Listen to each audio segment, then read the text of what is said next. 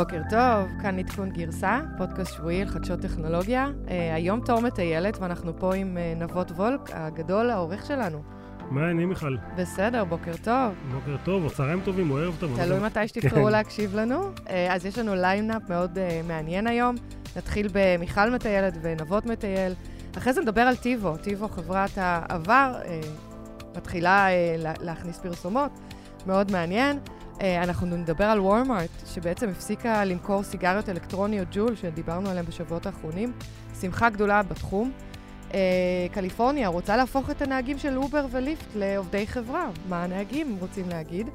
אה, ובסוף חדשות אדם נוימן, מה קרה לו השבוע? זה כבר הפך להיות פינה קבועה. כן, יש לנו פה ליינאפ מתוכנן מראש.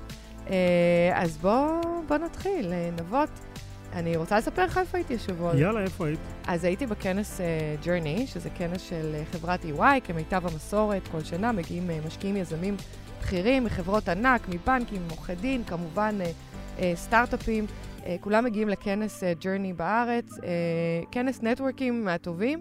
אה, ואני חושבת שמה שמציין את הכנס הזה זה קודם כל התחרות שנקראת The Pitch.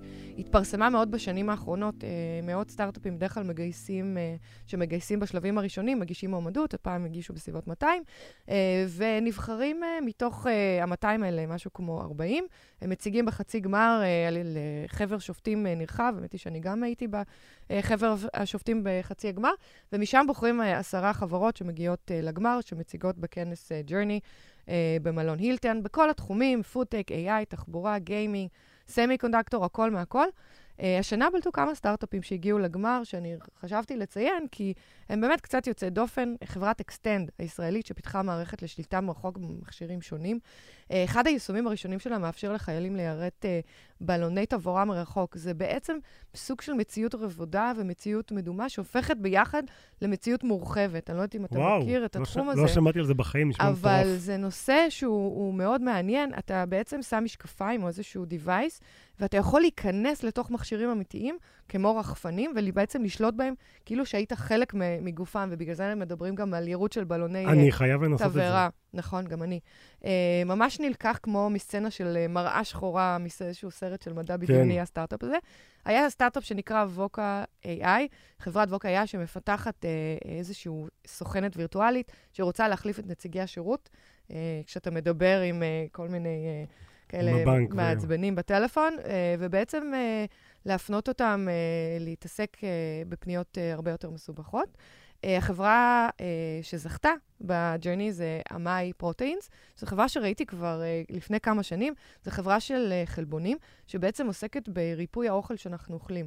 Uh, ובעצם מריפוי האוכל אנחנו נמנע מחלות. המטרה הראשונה שלהם זה טיפול בבעיית הבריאות המובילה בעולם, שזה כמובן צריכה של uh, סוכר, ובאמצעות חיבור בין uh, עיצוב חלבונים חישובי, יש כאן הרבה אוף. AI ואיזשהו ייצור ביוטכנולוגי, הם יכולים להתאים חלבונים שגדלים בטבע לשוק המזון ולייצר חלבון שהוא בעצם טעם של, שדומה לסוכר. Uh, יש היום הרבה חברות בתחום הפודטק, אנחנו שמענו גם על הנפקות uh, מעניינות, וגם בישראל אנחנו שומעים, וגם דיברתי על זה בפודקאסט uh, לפני שבועיים, עוד חברה מעניינת בתחום הפודטק שזכתה uh, בתחרות של יזמיות. Uh, אנחנו רואים בעצם שהישראלים מובילים בתחום, יש פה הרבה ידע בביוטכנולוגיה. אני חושבת שהשאלה המרכזית היא בעצם איך יהיה אפשר לשווק את, ה, את המוצרים האלה. וגם אם זה יהיה טעים. זה, ת... זה בדרך כלל טעים, לא אתה יודע. תמיד. אני אכלתי גלידה כזו ב-Y קומבינטור בסן פרנסיסקו לפני כמה חודשים, גלידה מהונדסת, אה, אכל, מדהים. אכל פעם סוילנט?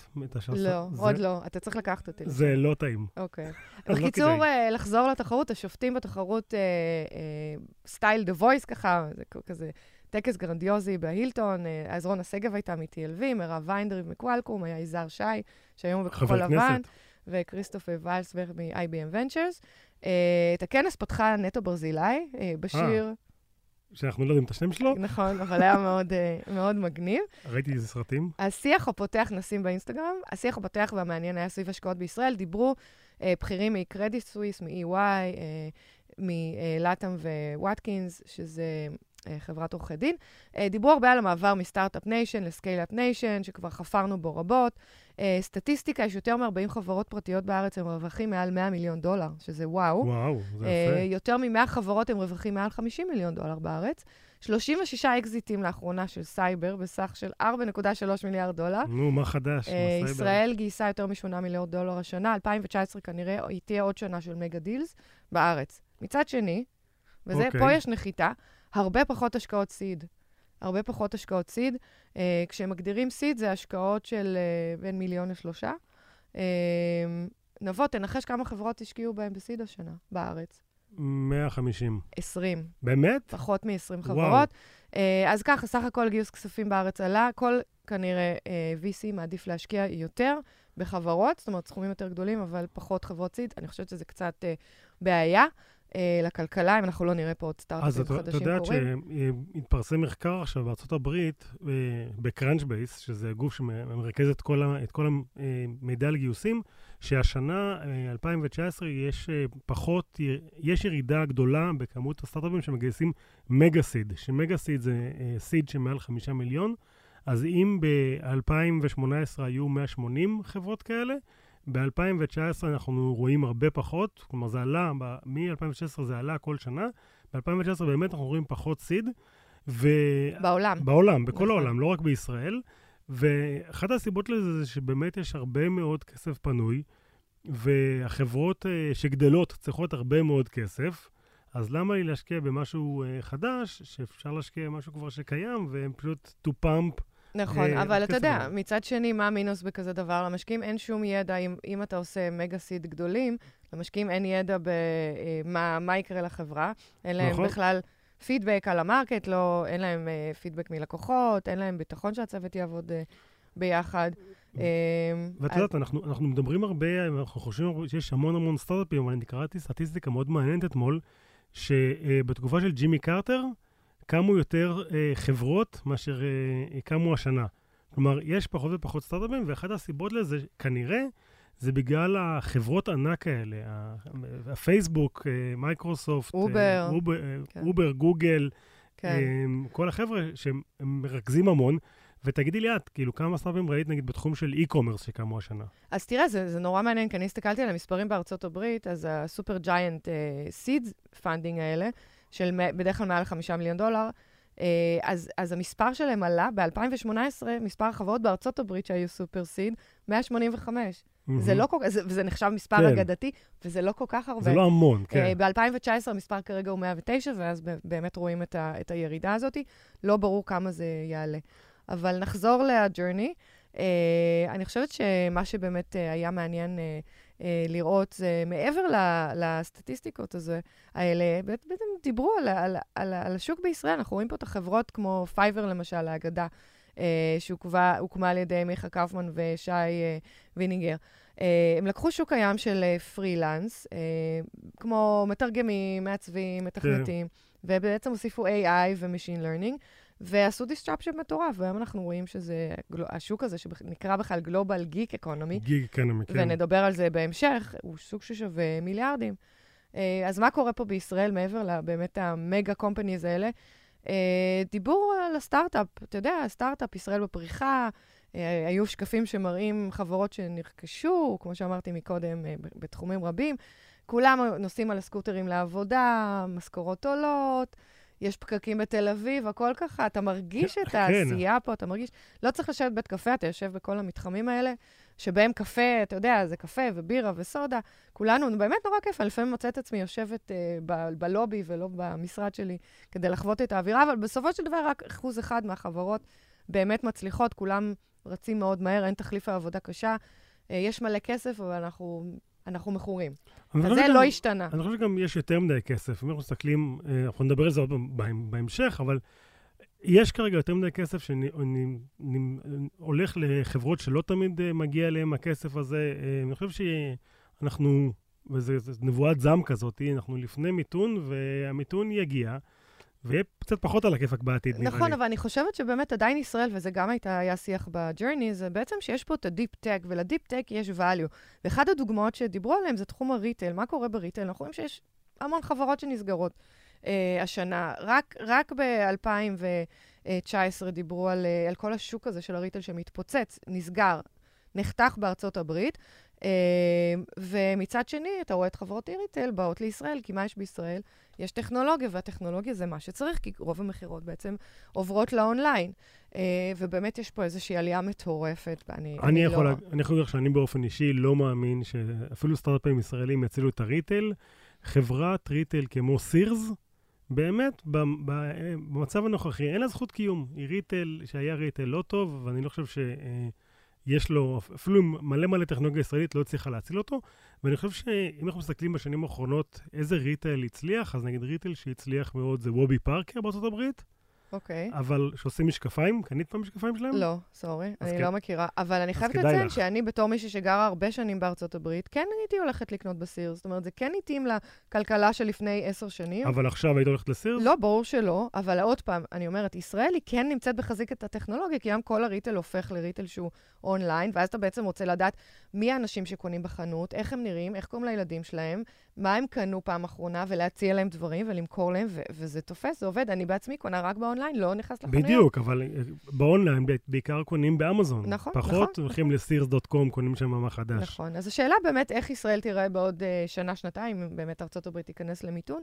אני חושבת שירגישו את זה פה, וזה לא יהיה איזושהי נפילה מטורפת. יאללה, נקווה לטובת כולנו, כולנו בתעשייה הזאת, ואנחנו חיים ממנה. נכון, השאלה, אני חושבת העיקרית, זה באמת איך לשמר אנשים, אה, איך לשמר את הטאלנט, ועוד פעם נדבר על זה בהמשך היום, איך אה, למצוא שווקים חדשים, ואיך אה, לקבל השקעות סיד שהן באמת טובות, שהשקעות סיד לא ילכו...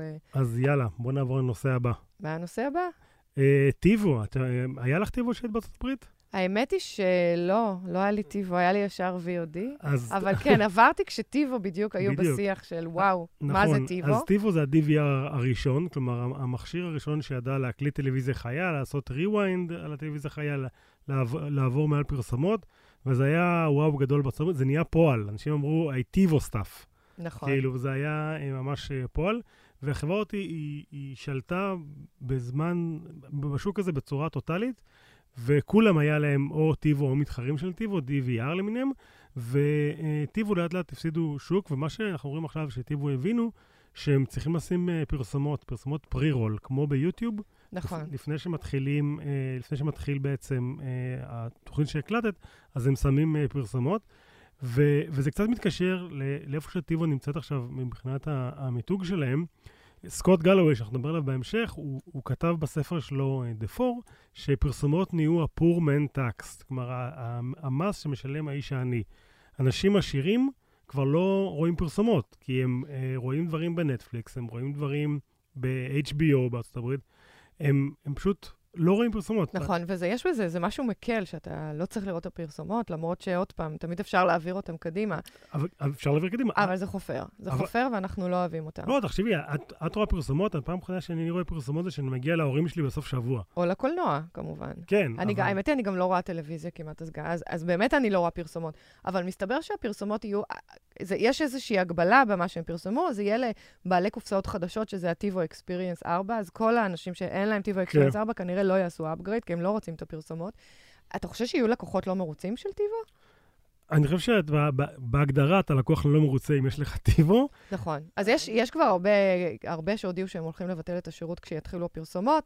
אה, תגובת החברה, דרך אגב, כי TiVo לקחה את זה מאוד ברצינות, mm-hmm. אז קודם כל אמרו שאפשר לעשות skip, יש להם אה, איזשהו פיצ'ר מעניין שעובר פרסומת-פרסומת, אתה לא חייב לראות. אה, ודבר שני, הם אומרים שזה בעצם אה, רק 20 שניות. האמת היא, אישית, לי לא מפריע לראות פרסומת של 20 שניות, זה לא שאני רואה פרסומות, אבל אם אני יודעת שזה עוזר לחברה, וזו באמת חברה שאני מאמינה בה ואני משתמשת במוצר שלה, אז אני מוכנה לתרום להם את ה-20 כן, שניות שלי. כן, ביוטיוב שיש פרסומת, את יושבת ומסתכלת על הפרסומת? זה חופר לי. בדיוק. אבל אני אגיד לך למה, כי בדרך כלל אני מקשיבה למוזיקה של יוטיוב, ואני עושה את זה כשאני רצה, והפרסומת פתאום מגיעה לי, וזה בדיוק באמצע ההיי, שאת עולה, כן. כן, אז זה ממש ממש אה, לא מתאים. אני לא בעד. אבל עוד פעם, בואו נחזור לטיבו, מעניין מה יהיה עם שאר השירותים של ה-VOD. אז בארץ אנחנו מדברים על ES, על הוט, ה-VOD זה, כן. זה חלק בלתי uh, נפרד מהמערכת. Uh, אני לא רואה אותו מוסיפים פרסומות, דרך אגב, אבל מי יודע. אני חושב שהרגולטור, גם לפי הרגולטור אסור להם, אבל... Uh... וגם בארצות הברית זה כבר, uh, בעצם טיבו הוא לא כל כך, הוא לא שחקן כזה משמעותי. נכון, הם מנסים לחזור, מנסים לייצר עוד הכנסות. הרווחים שלהם מלמכור את הקופסה יורדים, אנחנו יודעים שהביזנס של ההארדר הוא לא ביזנס כזה טוב, הם מנסים לייצר גם עוד הכנסות.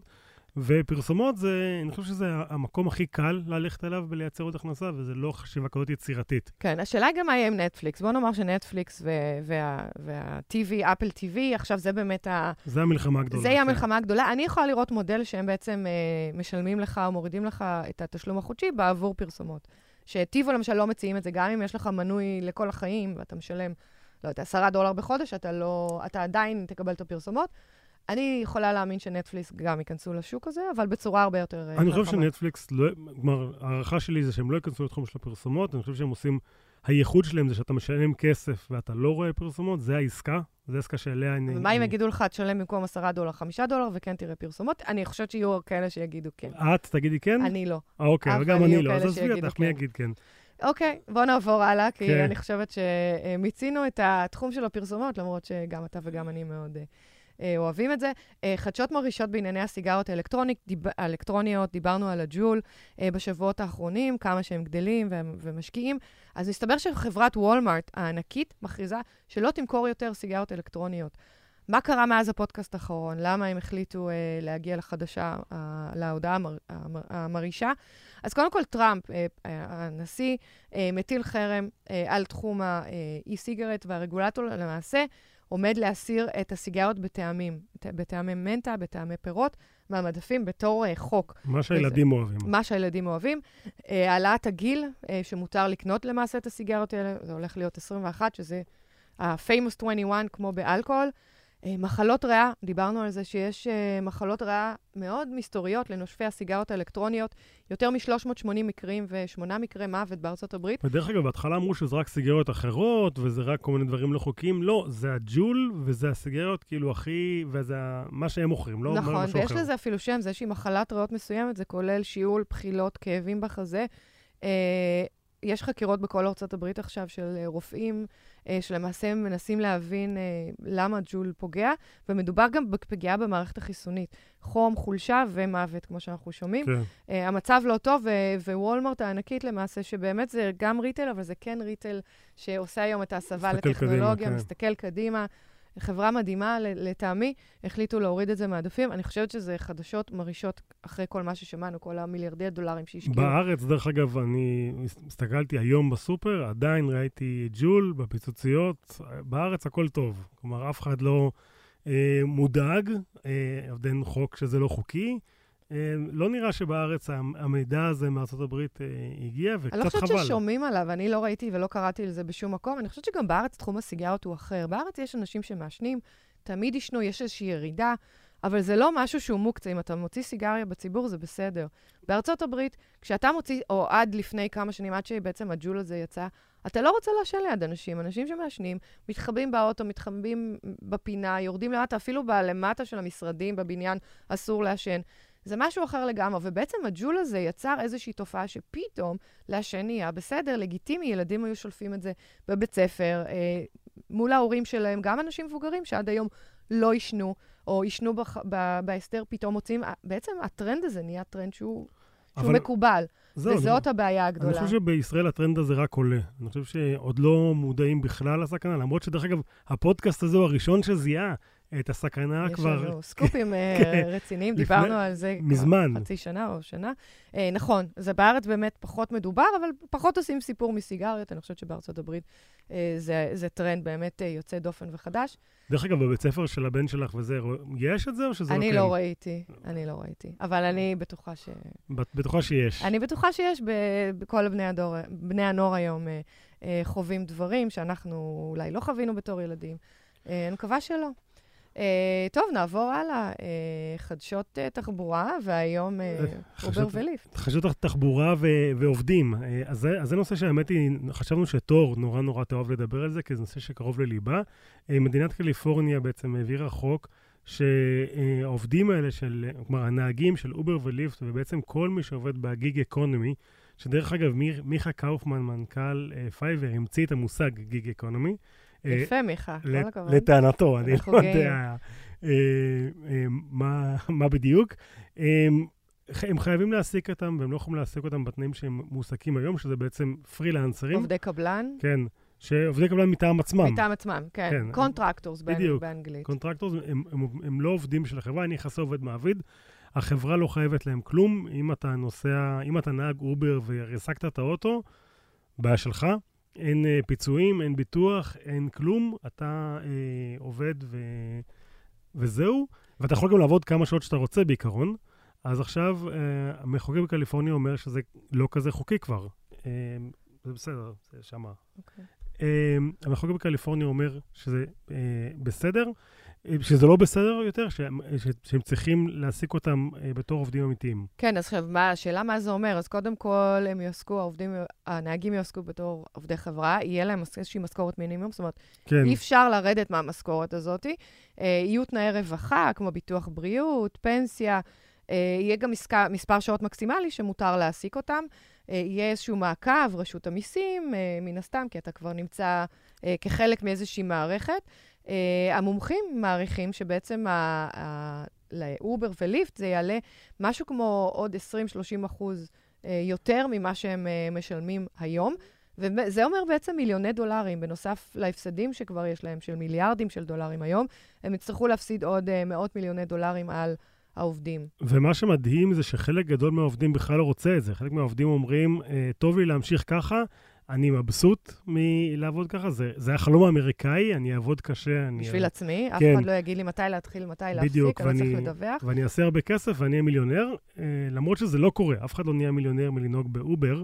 נכון, אבל, נכון. אבל בסדר, זה, זה נכון. המצב. אבל תראה, השאלה היא מה, מה קרה פה, כי אובר וליפט, אה, עד לפני ההנפקה לפחות, היו חברות החברות המצליחות מה-Valley, החלום האמריקאי עם המון מזומנים ותמיכה מהציבור, וגם תמיכה legal-ית, זאת אומרת, הם העסיקו uh, בתשלום עורכי דין שבעצם עזרו להם uh, ליצור חוקים בהרבה מדינות בארצות הברית, שבעצם uh, יעשו לגליזציה או יאפשרו את ההעסקה של uh, עובדים uh, כאלה פרילנסרים, contractors. Uh, uh, ופתאום יש פה איזשהו שינוי מאוד גדול, זה שינוי של חברה שבעצם uh, uh, משם או reputation מאוד טוב, היא נהיית... Uh, אה, על הפנים, בהגדרה, אה, מפסידים כסף, אה, מתחילים להבין שיש פה אה, ניצול אה, והעסקה אה, לא ראויה אה, של עובדים. יש נהגים שרעבים ללכת בגלל השכר הנמוך הזה.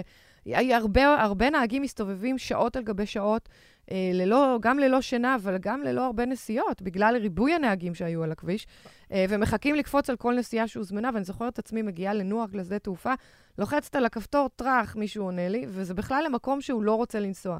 אז אחרי שנייה הוא מבטל, ואז אני לוחצת על האובר להזמין, ועוד פעם מישהו לוקח את ההסעה, וככה איזה 20 נהגים, הם קופצים עליכם, אפילו לא מסתכלים לאן אתה רוצה לנסוע, כי הם כל כך רוצים את הנסיעות האלה. הם רעבים באמת לנסיעה. ובאמת התנאים שלהם הם, אה, הם גרועים. Uh, והמחירים בעצם, אתה יודע, המחירים של נסיעות גם שברו את ה... כל השוק של המוניות הרגילות, המוניות, את מה שנקרא yellow taxi. כן, uh, זה כבר לא קיים כמעט. וזה לא קיים, כל המוניות הצהובות, הרבה מהן פושטות רגל. היו גם אבדות בנפש, מסתבר, של נהגים שפשוט לא היה להם מה לאכול, הם איבדו, איבדו את הפרנסה שלהם. אז מה בעצם קליפורניה עושה? קליפורניה באה ואומרת, no more. לא יותר, אנחנו בעצם נעביר פה את החוק שיפתור את הבעיה הזו, באמת יפצה את הנהגים וישים איזושהי מסגרת. דרך אגב, גם העיר ניו יורק אה, חוקקה חוקים שאומרים שמספר נהגי אובר וליפט חייב להגיע לאיזשהו מקסימום, הם לא מאפשרים שכל העיר תהיה מלאה. אי אפשר יותר, בניו יורק אתה לא יכול יותר להצטרף להיות נהג באובר וליפט, אה, אלא אם מישהו עוזב. וגם יש חוקים שמגבילים אותם כמה זמן מותר להם בעיר בלי נסיעה. לנהוג על הכביש. הם, הם לא יכולים, לא, גם, אה, גם בלי מישהו באוטו. הם לא יכולים להיות, להסתובב בעיר אם אין להם אה, נסיעה, הם צריכים לצאת. כן, כי אתה יודע, אה, כל הבעיה הזו של אובר וליפט יצרה המון פקקים בעיר. הגודש בניו יורק הוא מטורף. המון מכוניות שבעצם לא אמורות להיות שם. אה, אז אני חושבת שהשאלה היא האם החוק הזה באמת יעזור לפתור את הבעיה ובאמת יפצה את הנהגים, ימנע פקקים, אה, ישליט סדר. מה אתה חושב, נבות? לפי דעתי אין שום סיכוי. אני מסכימה איתך. סוף סוף אנחנו מסכימים. כן. אני חושב שהשוק הזה, הוא, הוא ימשיך, כלומר, החברות ימשיכו למצוא דרך אה, לעבוד כמו שהן עובדות מבחינה חוקית, יש להם אה, הרבה מאוד כסף, יש להם לוביסטים.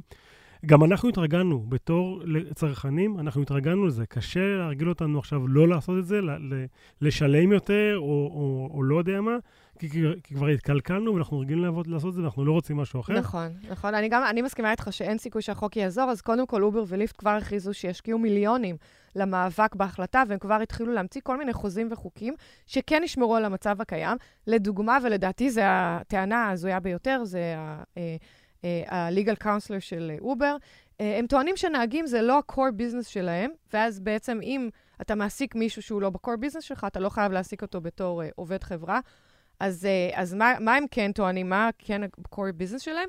אובר היא פלטפורמה להנגשת שירותים דיגיטליים ל-marketplace. מדהים. כן, הם, הם, אתה יודע, הם מנגישים אה, אוכל, כמו אובר איץ, הם מנגישים אה, חבילות, הם מנגישים... אה, הם אה, בכלל מערכת הפעלה של העולם, הם, הם לא... הם בדיוק, לא... אז הם לא... ה-core business שלהם זה לא נהגים, ולכן נהגים לא חייבים להיות עובד חברה, וכנראה שהם יצליחו.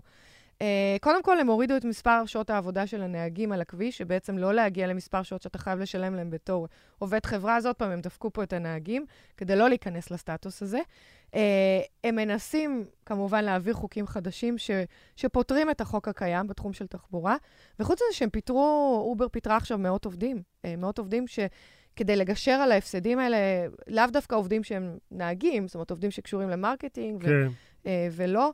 Uh, והם מנסים גם לחסום את העובדים, שבגלל שהם קונטרקטים, שלא יוכלו ליצור איזשהו יוניון, שלא יוכלו ליצור תאגיד שבעצם uh, יילחם על הזכויות של עצמם. אבל זה ברור שזה מה שיקרה. תמיד החזק מנצח בדברים האלה. אין, אני לא מכיר שום מקרה שהחלש, העובד החלש, הצליח לנצח את הארגון הגדול.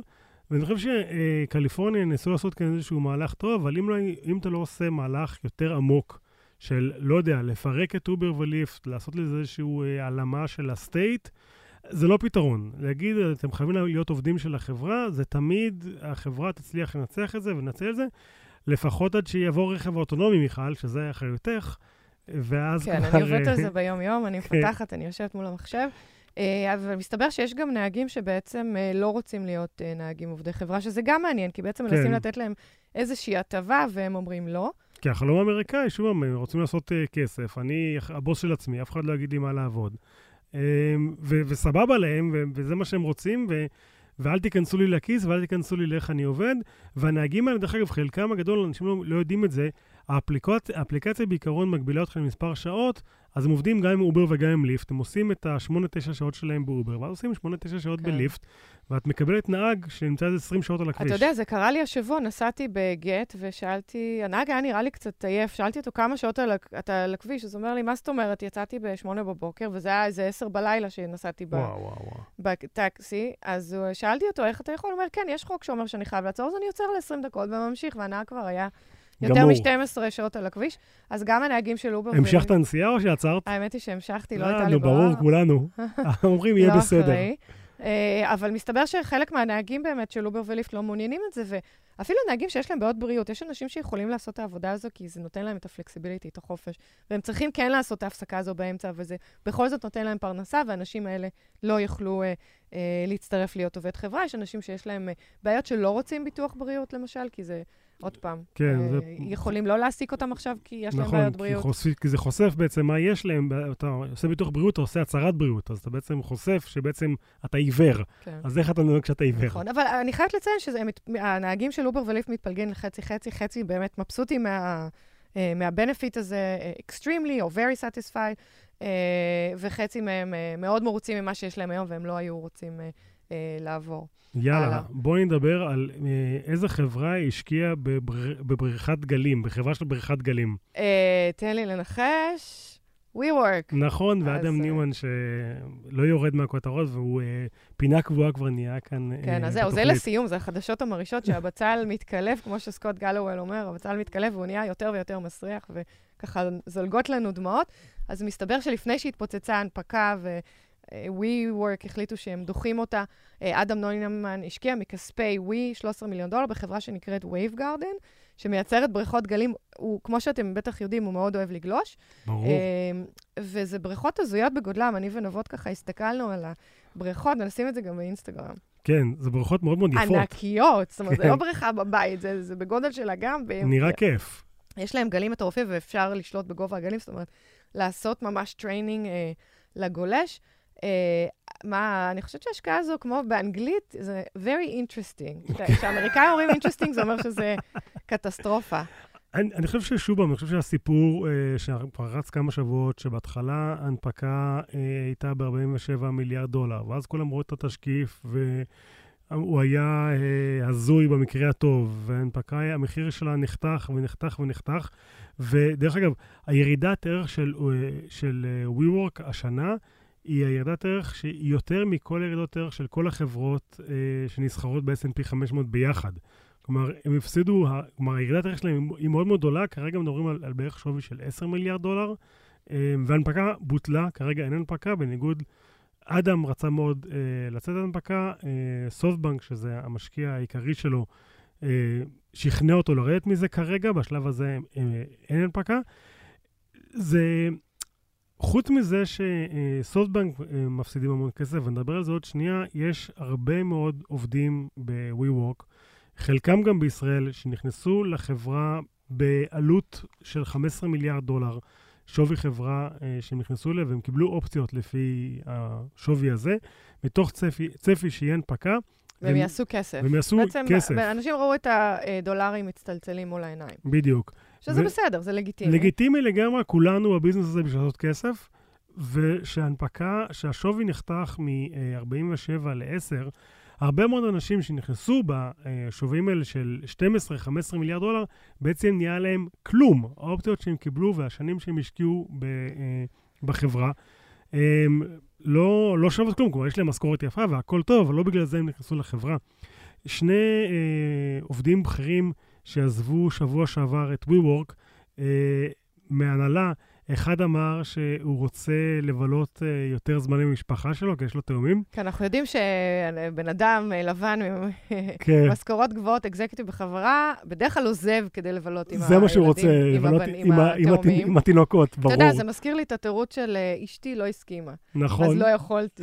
נכון, ועובדת בכירה השנייה אה, החליטה לעזוב לאמריקן אקספרס, לטפל משהו עם כרטיסי אשראי, שזה גם כן ברור שזה עדיף מאשר להיות ב, כן. אה, בהנפקה. כן, אנחנו יודעים שגם אדם מכר אה, סכומים, אה, מאות מיליונים מה, מהאופציות, מה, כן, 700 שלו. מיליון דולר לפני ההנפקה. הוא כנראה ידע מה הולך לקרות. אה, כן, אז... עוד אז, פעם, הבצל מתקלף. אז הוא בסדר, דרך אגב, הוא עשה... ש, אה, ב- ביום שישי הוא עשה אה, פגישה עם כל העובדים בחברה דרך אה, וידאו קונפרנס, וסיפר על זה שההנפקה נדחית. הוא לא הסכים לקחת שאלות מהקהל, כלומר, הוא לא הסכים... טוב, זה חכם, אתה יודע, גם אה, ראשי ממשלות לא מתראיינים לפני הבחירות, אז... נכון. אמ, ומדברים על זה שכרגע יש uh, ל Vision Fund, שזה הקרן שהשקיעה ב-WeWork בכמה סיבובים האחרונים, יש להם בעיה מאוד מאוד גדולה לגייס את הקרן הבאה שלהם, שהם מדברים על לגייס קרן של 120 מיליארד דולר, ובקרן הנוכחית, בקרן, ה Vision Fund 1, ש-20% מהקרן מושקע ב-WeWork. מטורף. שכ... ממש, ממש, כן, ממש. שכרגע זה נראה פיאסקו, ודרך אגב, אחת הבעיות הגדולות זה שהם תמחרו את כל הסיבובים האחרונים, זה ה Vision Fund תמחרו את עצמם. כלומר, לא היו עוד משקיעים שנכנסו שם ותמחרו, זה הכל Vision uh, Fund, תמחרו, וזה מה שהוביל למחיר של 47 מיליארד דולר. ויהיה להם בעיה באמת גדולה לגייס את הקרן הבאה, כי למה שאני, אם אני משקיע מוסדי, למה שאני אשקיע בקרן שהשקיעה 20% מהקרן בחברה שכרגע לא נראית משהו? ודרך אגב, יש גם קצת בנקים בישראל שחשופים, אה, חשיפה די מצומצמת של 70 מיליון סך הכל לאומי ו, ופועלים ל-WeWork, אה, ועכשיו גם מדברים על הסדר חוב, לראות איך WeWork משלמת את זה. כן, אני חושבת שהשאלה גדולה מה יהיה. כאילו, יש איזשהו תרחיש uh, בעוד שנה, מה יהיה, או אפילו בעוד חודש, או אפילו בעוד... Uh, חמישה ועוד ימים. שבוע, כן. ועוד שבוע. אז, אז אנחנו ככה קצת הסתכלנו מה, מה השוק חושב, ו, ומצאנו איזשהו סיי uh, מאוד מעניין של סקוט גלוול, שאנחנו אוהבים לדבר עליו, הוא פרופסור לשיווק, כותב uh, ספרים, הוא באמת uh, קול מאוד חזק בתעשייה, ובעיקר כשמדובר על uh, מגה קומפניס כאלה. אז הניחושים, והניחושים של סקוט uh, הם הרבה פעמים uh, נכונים. Uh, אז ככה, מה שהוא אומר, הוא אומר, אדם בחוץ, ככל שמקלפים את הבצל, הוא נהיה מסריח יותר. כלומר, אדם נוימן לא יהיה מנכ"ל. לא יהיה מנכ"ל, הנהלה חדשה תכלול גם מנכ"ל וגם בורד, הוא כבר ממנה מנכ"ל חדש, הוא אומר שזה יהיה מישהו מתחום ההוספיטליטי או real estate ספציפיקלי, כמו שאומרים, הוא ממנה את אדם uh, מרקמן, שהוא uh, uh, מחברת uh, Equity Uh, הוא ה-CFO שם.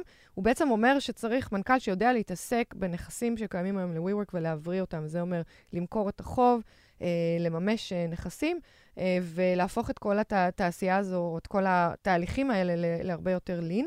Uh, אז הוא אומר שיהיו גם מחירים, uh, מכירות של uh, נכסים לא רווחיים. Uh, הוא טוען ש-WeWork תסגור את WeGrow ואת WeLive. שזה ש... המיזמים האחרים שלהם, של אחד זה בית ספר, We Grow זה כזה בית ספר ללמד, ו-We Live זה מתחמי חיים משותפים כאלה?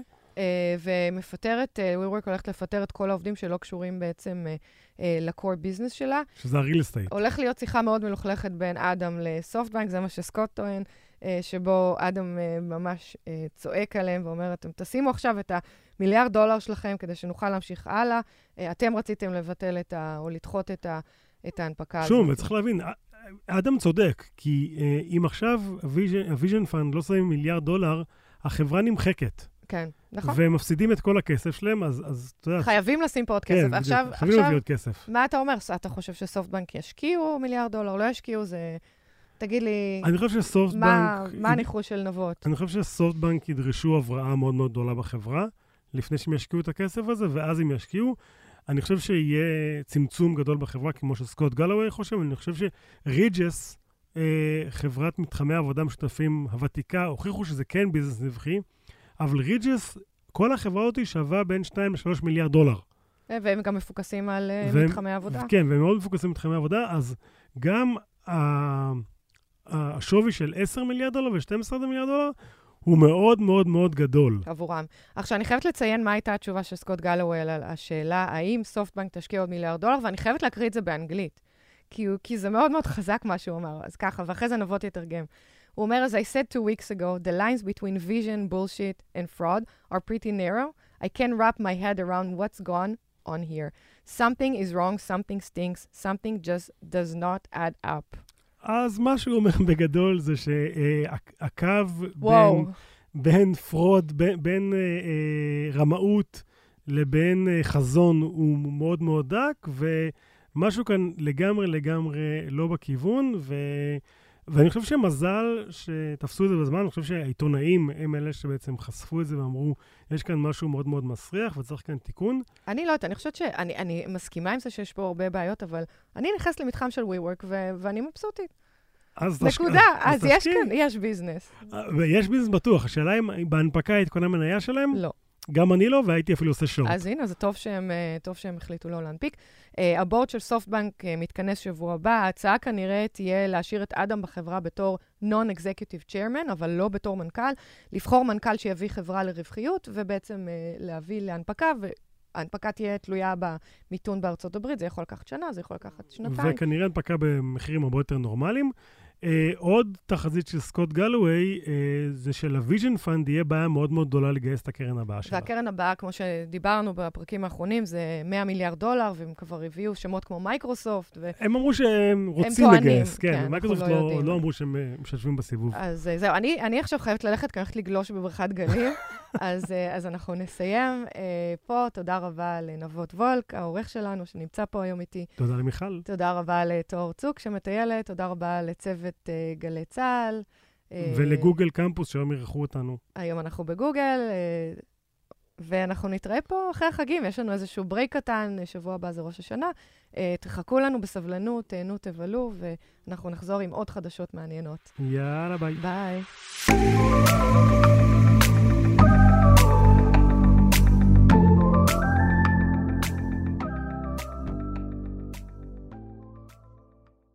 אז מיכל, את uh, יצא, יוצאים האייפונים החדשים, את קונה?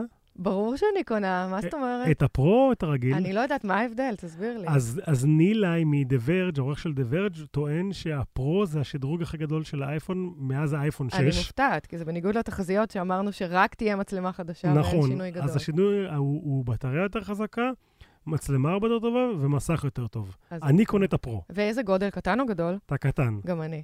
יאללה. סגור, אני מזמינה מגניב. לך. מגניב. ביי. יאללה, ביי.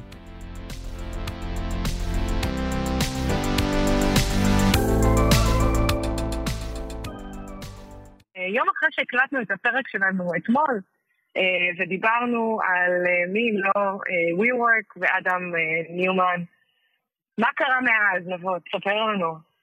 וואי, קרה המון. אז איך שיצאנו מהאולפן, בעצם כנראה שהבורד של WeWork, ש-We Company האזין לנו, ואדם והוא הודיע שהוא uh, מתפטר, ומינו במקומו שני, כלומר הוא גם מתפטר והוא גם נהיה, הוא נהפך להיות שרמן של הבורד, נאן אקזקטיב שרמן, זכות הסברה שלו נפתחות uh, במקום פי עשר, uh, פי שלוש, וממונים במקומו uh, שני מנכ"לים שהגיעו מתוך החברה, ועוד דבר נוסף אחד שקרה, אשתו גם כן מתפטרת מהחברה. אני חושב שזה מוזר שמינו שני מנכ"לים בתור מנכ"ל אחד, אני לא חושב שיש דוגמאות בהיסטוריה ששני מנכ"לים עובד, אבל זו החלטה שכרגע החליטו לעשות בוויוורק.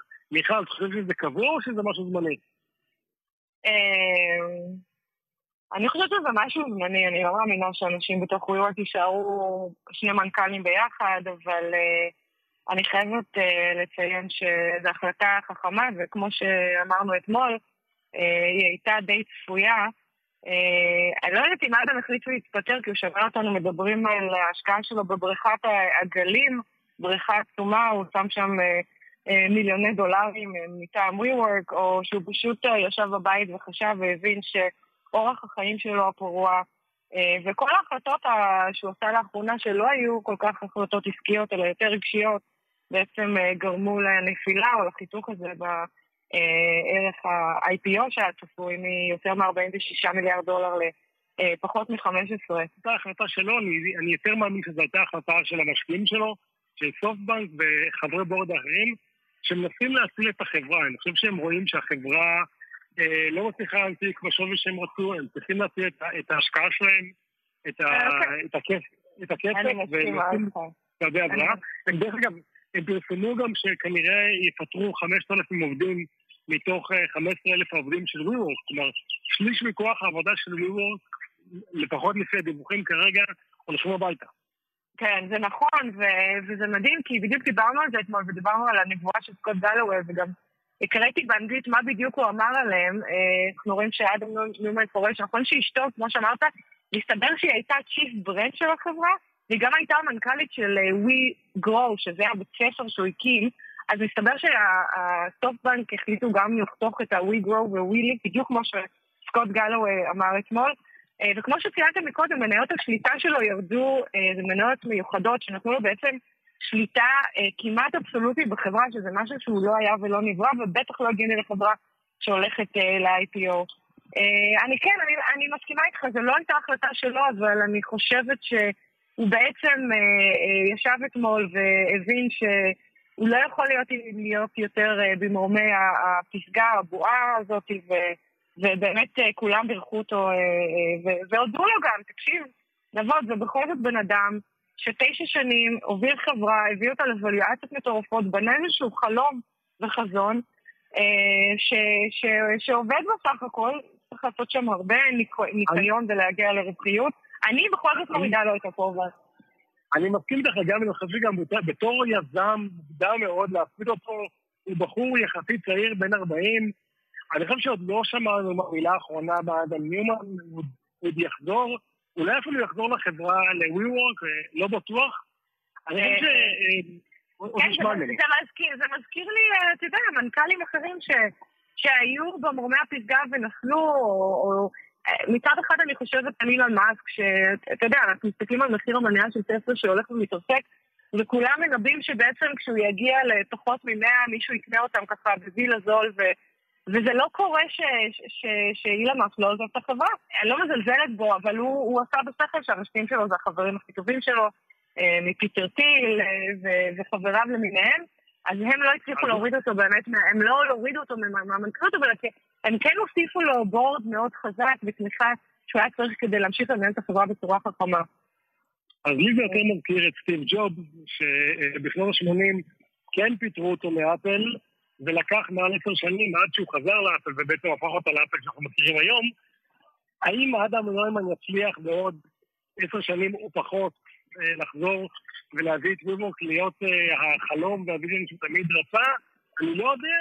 או שהוא כבר יעשה סטארט-אפ אחר, או אתה יודע, אנחנו נפרגן לו. מנכ"ל אובר לשעבר, טראביס, שגם אותו פיטרו מאובר, הודיע שהוא עובד על סטארט-אפ חדש שהולך להיות הרבה יותר גדול מאובר. נכון, נכון מאוד, אה. וזה סטארט-אפ מאוד מעניין, זה בנושא של מטבחים.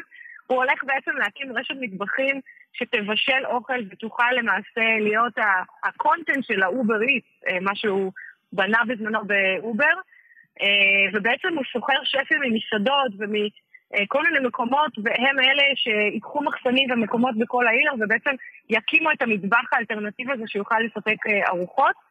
אה, דרך אגב, אני שמעתי על זה כבר מזמן, לא, לא הלשנתי, לא היה לי סקופ, אבל אני מכירה אנשים שהלכו איתו ובנו איתו יחד את המיזם הזה. חלקם חבריי לשעבר, אה, או עדיין בהווה, אבל אנשים שאני מכירה מהעבר, ואני חושבת שהוא, אני רואה איך הוא יצליח. אני לא... גם הוא, גם אדם, גם אילן, גם סטיב, כולם גאונים.